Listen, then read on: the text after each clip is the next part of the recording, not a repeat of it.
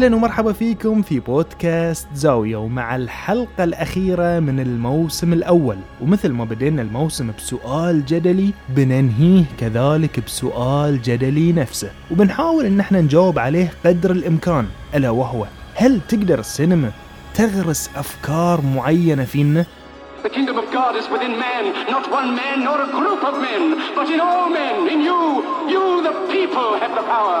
The power to create machines, the power to create happiness. You, the people, have the power to make this life free and beautiful, to make this life a wonderful adventure, a wonderful adventure, a wonderful adventure. wonderful adventure. يقول عالم النفس التحليلي كارل جوستاف يونغ في كتابه المشهور الحاضر والمستقبل بأن عملية التأثير العقلي ممكنة وقال بأن هالتأثير ممكن تكون له عدة صور وصورة من هالصور هي زرع الأفكار وغرس بعض البذور اللي ممكن تكبر مع الوقت وتتحول إلى أفكار حقيقية وهذا يودينا مباشرة إلى فيلم انسبشن اللي أتوقع كلنا شفناه والسؤال هو هل عملية زرع الأفكار اللي يقصدها يونغ ممكنة في الإنسان مثل ما صورها الفيلم؟ يونغ يقول بأن الفكرة لو كانت بتنزرع في عقل الإنسان فراح تزرع في لاوعيك أي أن اللاوعي البشري هو الوعاء اللي يتبنى هذه الأفكار ويخليها تكبر وتكبر وتكبر لحد ما تشوف نتائجها في عقلك. وهني عندنا سؤال ليش قال لا وعي الإنسان وما قال وعيه؟ هذا يرجع أولا وأخيرا لمفهوم اللاوعي. وعشان نشرح لكم فكرة اللاوعي تخيلوه أنه flash memory بدون limit هالفلاش يسجل لحظاتكم وذكرياتكم من أول يوم إدراك لكم إلى حد هذه اللحظة وأنتوا تسمعون البودكاست. ولأن هالفلاش يسجل ويسجل ويسجل في الإدراكات اللي حولنا فمخزونة في الواقع ضخم جدا وغير طبيعي أبدا.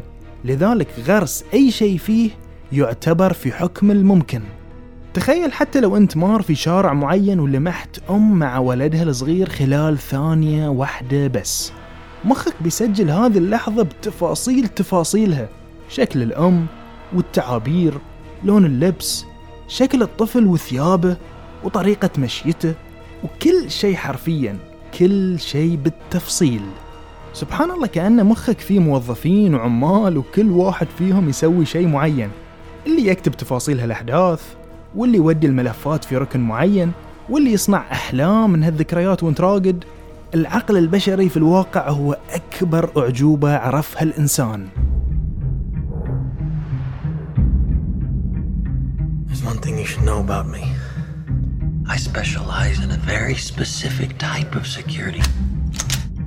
Subconscious security. You're talking about dreams.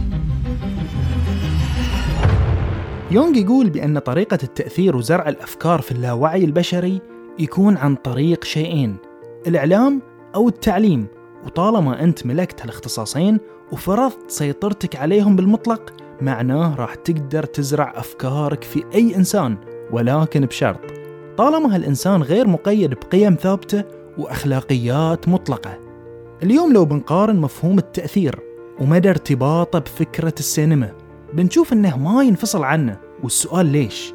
ليش مفهوم التأثير ارتبط بشكل وثيق مع الأفلام؟ خلونا نرجع خطوة ورا ونسأل نفسنا سؤال أكثر أهمية من السؤال السابق وهو هل السينما اليوم تصنف على أنها فن أو صناعة؟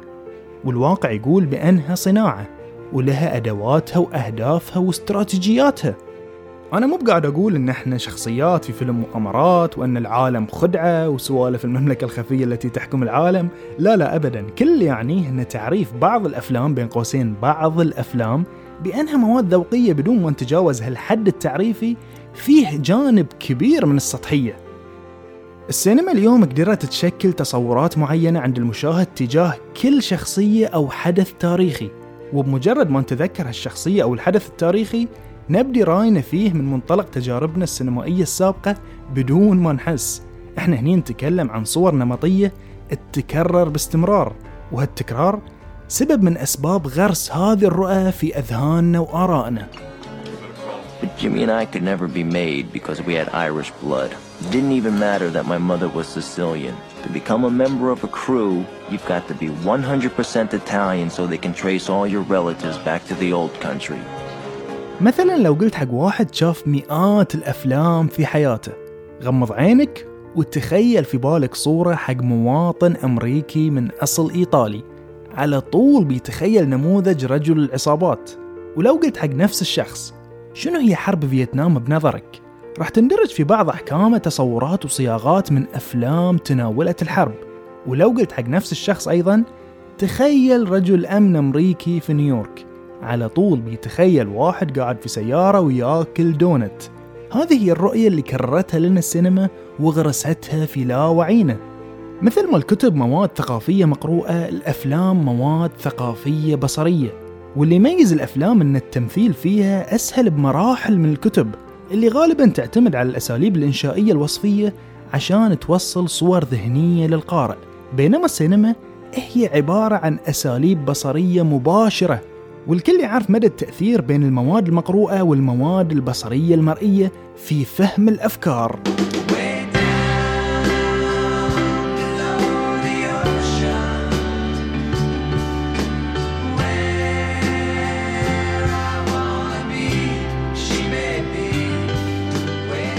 يونغ يقول في كتابه واللي للأسف ما ترجم للعربية بأن الآلية لزرع أي فكرة في اللاوعي الإنساني عشان تكبر مستقبلا هي التكرار ويمكن هني في بالكم اعتراض بأن البني آدم العاقل مدرك للصح والخطأ فشلون بتزرع فكرة في باله أصلا؟ والجواب هو أن عملية زرع الأفكار وتغيير تصورات البشر ما تتحقق في جيل بشري واحد وإنما مسألة التغيير فيها تحقق نفس التغيير في التطور البيولوجي أي على مستوى أجيال ومراحل وبعدين يطلع التغيير من خلال المقارنة بين الجيل الأخير والجيل الأول. وأظن كلنا نجمع على أن اعتقادات الكثير من الناس مثلا من اللي عاشوا فترة الثمانينات والسبعينات تجاه قضايا معينة تغيرت اليوم بنسبة 180 درجة في الأجيال الجديدة. وسبب رئيسي من هالتحول هو الإعلام. ولو تتبعنا تفاصيل المواد المطروحة إعلاميا على امتداد 10 أو 20 سنة عشان نشوف مدى أثرها على الأجيال بنلاقيها تغيرت بالتدريج والنتيجة وعي كامل تبدل من الألف إلى الياء.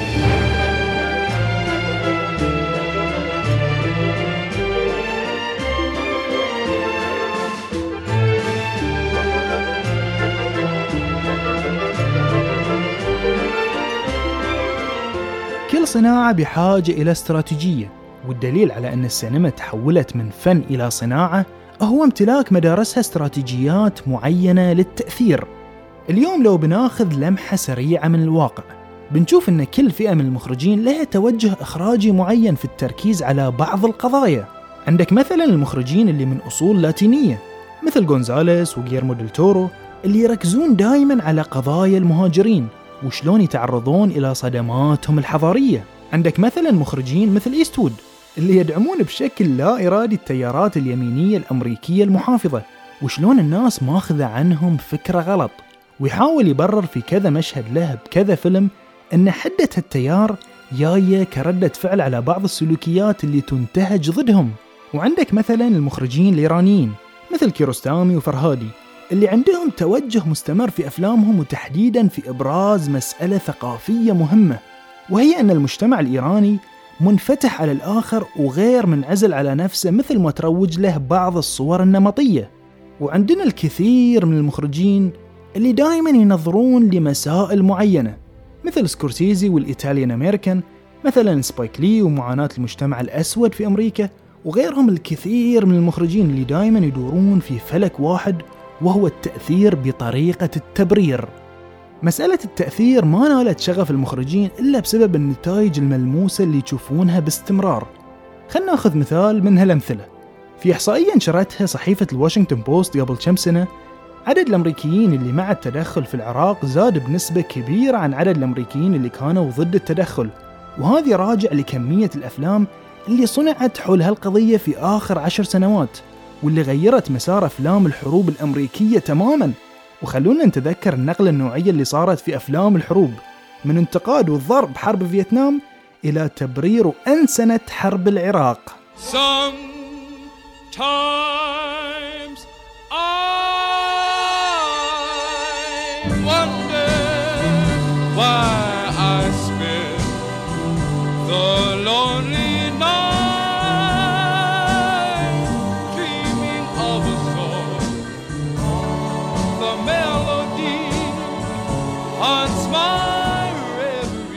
انزين هل أنت يا حسن قاعد تتهم كل المخرجين بالتمنهج خلف سياسات معينة؟ لا ابدا. ومثل ما قلت بأن الموضوع مو بمؤامرة خفية أو شيء من هالقبيل. كل الموضوع أن هوية السينما تغيرت من فن إلى صناعة. السينما في الخمسينات إلى السبعينيات ما كانت تختلف عن المسرح. ممثل ومخرج وكاتب يقدمون رسالة وخلاص. لكن اليوم السينما تغيرت كليا. وصارت تقود توجهات سياسية واقتصادية واجتماعية من خلال هالساعتين اللي تقدم فيها موادها. وهذه ما يعني إن كل مخرج أو منتج فهو يصنع افلام امتدادا لهذه الاستراتيجيات في التأثير. بالعكس تماما في مخرجين يصنعون أفلامهم بدون أي اتجاهات غير سينمائية مثل نولان اللي دائما يستخدم القالب العلمي والعقلي في صياغة أفلامه.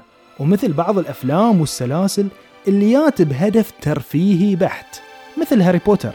القصد من الحلقة أن السينما اليوم تعتبر سلاح ثقافي إعلامي مهم جدا لتغيير القناعات والأفكار. ممكن المجتمع ما يتأثر في نفس اللحظة ولكن هالتغير بتكون له بصمة بعد 20 أو 30 سنة مثل وايد أفكار طرحت في زمنها وكانت ترويج لاعتقادات سخيفة.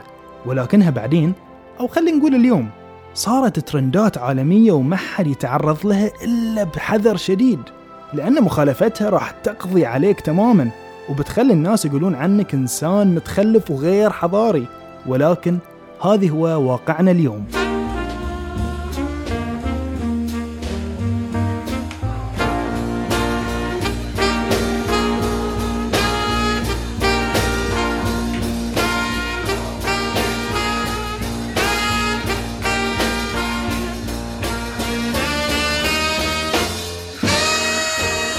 وهني سؤال شلون ممكن أعرف أن الشركة الإنتاجية لها توجه في التنظير لقضية معينة؟ والجواب بكل بساطة هو تكرار الأنماط.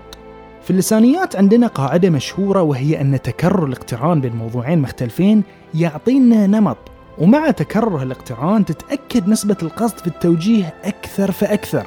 وعشان نفهم هذه القاعدة خلونا ناخذ مثال. شنو اللي يخلينا نقول عن روايات نجيب محفوظ إنها تنطلق من وإلى المجتمع المصري؟ والجواب هو الثيم، الثيم اللي يجمع كل رواياته ألا وهو الحارة المصرية، وتطبيقا على السينما، ليش دائما نعطيها حكم عام ومطلق ونقول إنها تنظر لحرب فيتنام بسلبية؟ لأن الثيم الموحد لكل هذه الأفلام اللي قدمت عن الحرب هو التوجيه بتخطئه الدور الأمريكي في هذه الحرب.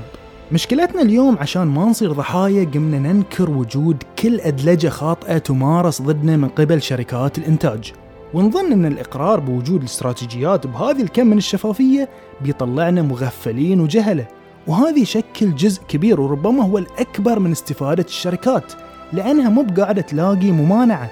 وبدال لا نكون طرف له سيادته ووعيه في العملية صايرين أشبه بالوعاء اللي يتشرب الأفكار بدون ردة فعل. عشان نثبت إن إحنا مستقلين.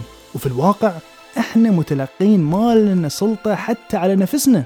وهذا هو الشيء المؤسف جدا اليوم.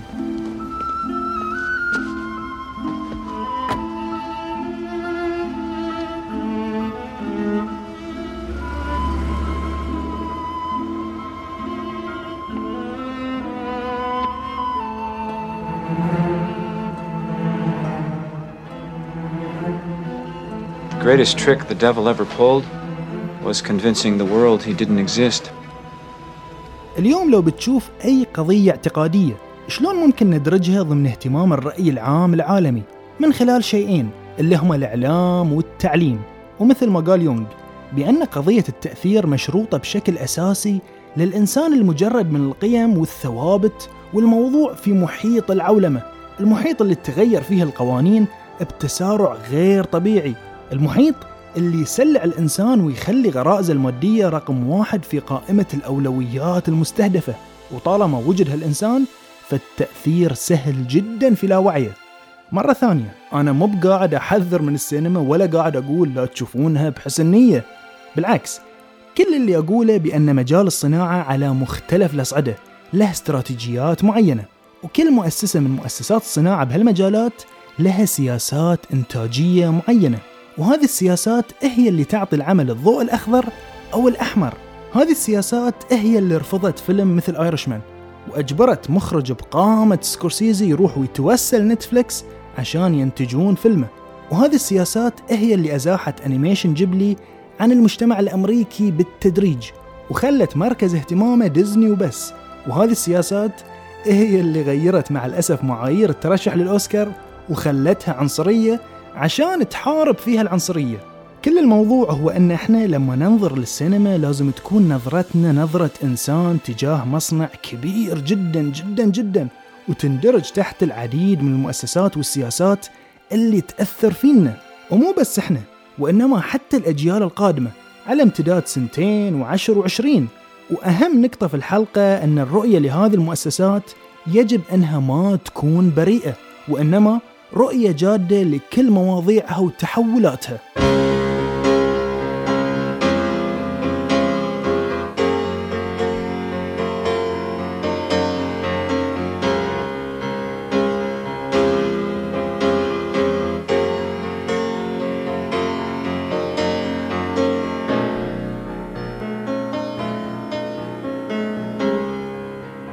في النهاية مشكورين على استماعكم. ومشكورين على متابعتكم المستمرة للحساب على إنستغرام زاوية دوت بودكاست. وإن شاء الله كانت الحلقة عن تطلعاتكم. وإذا عجبتكم لا تنسون كالعادة تشاركونها كل شخص مهتم بالموضوع. بالإضافة إلى التكرم بإفادتنا بآرائكم بالحلقة.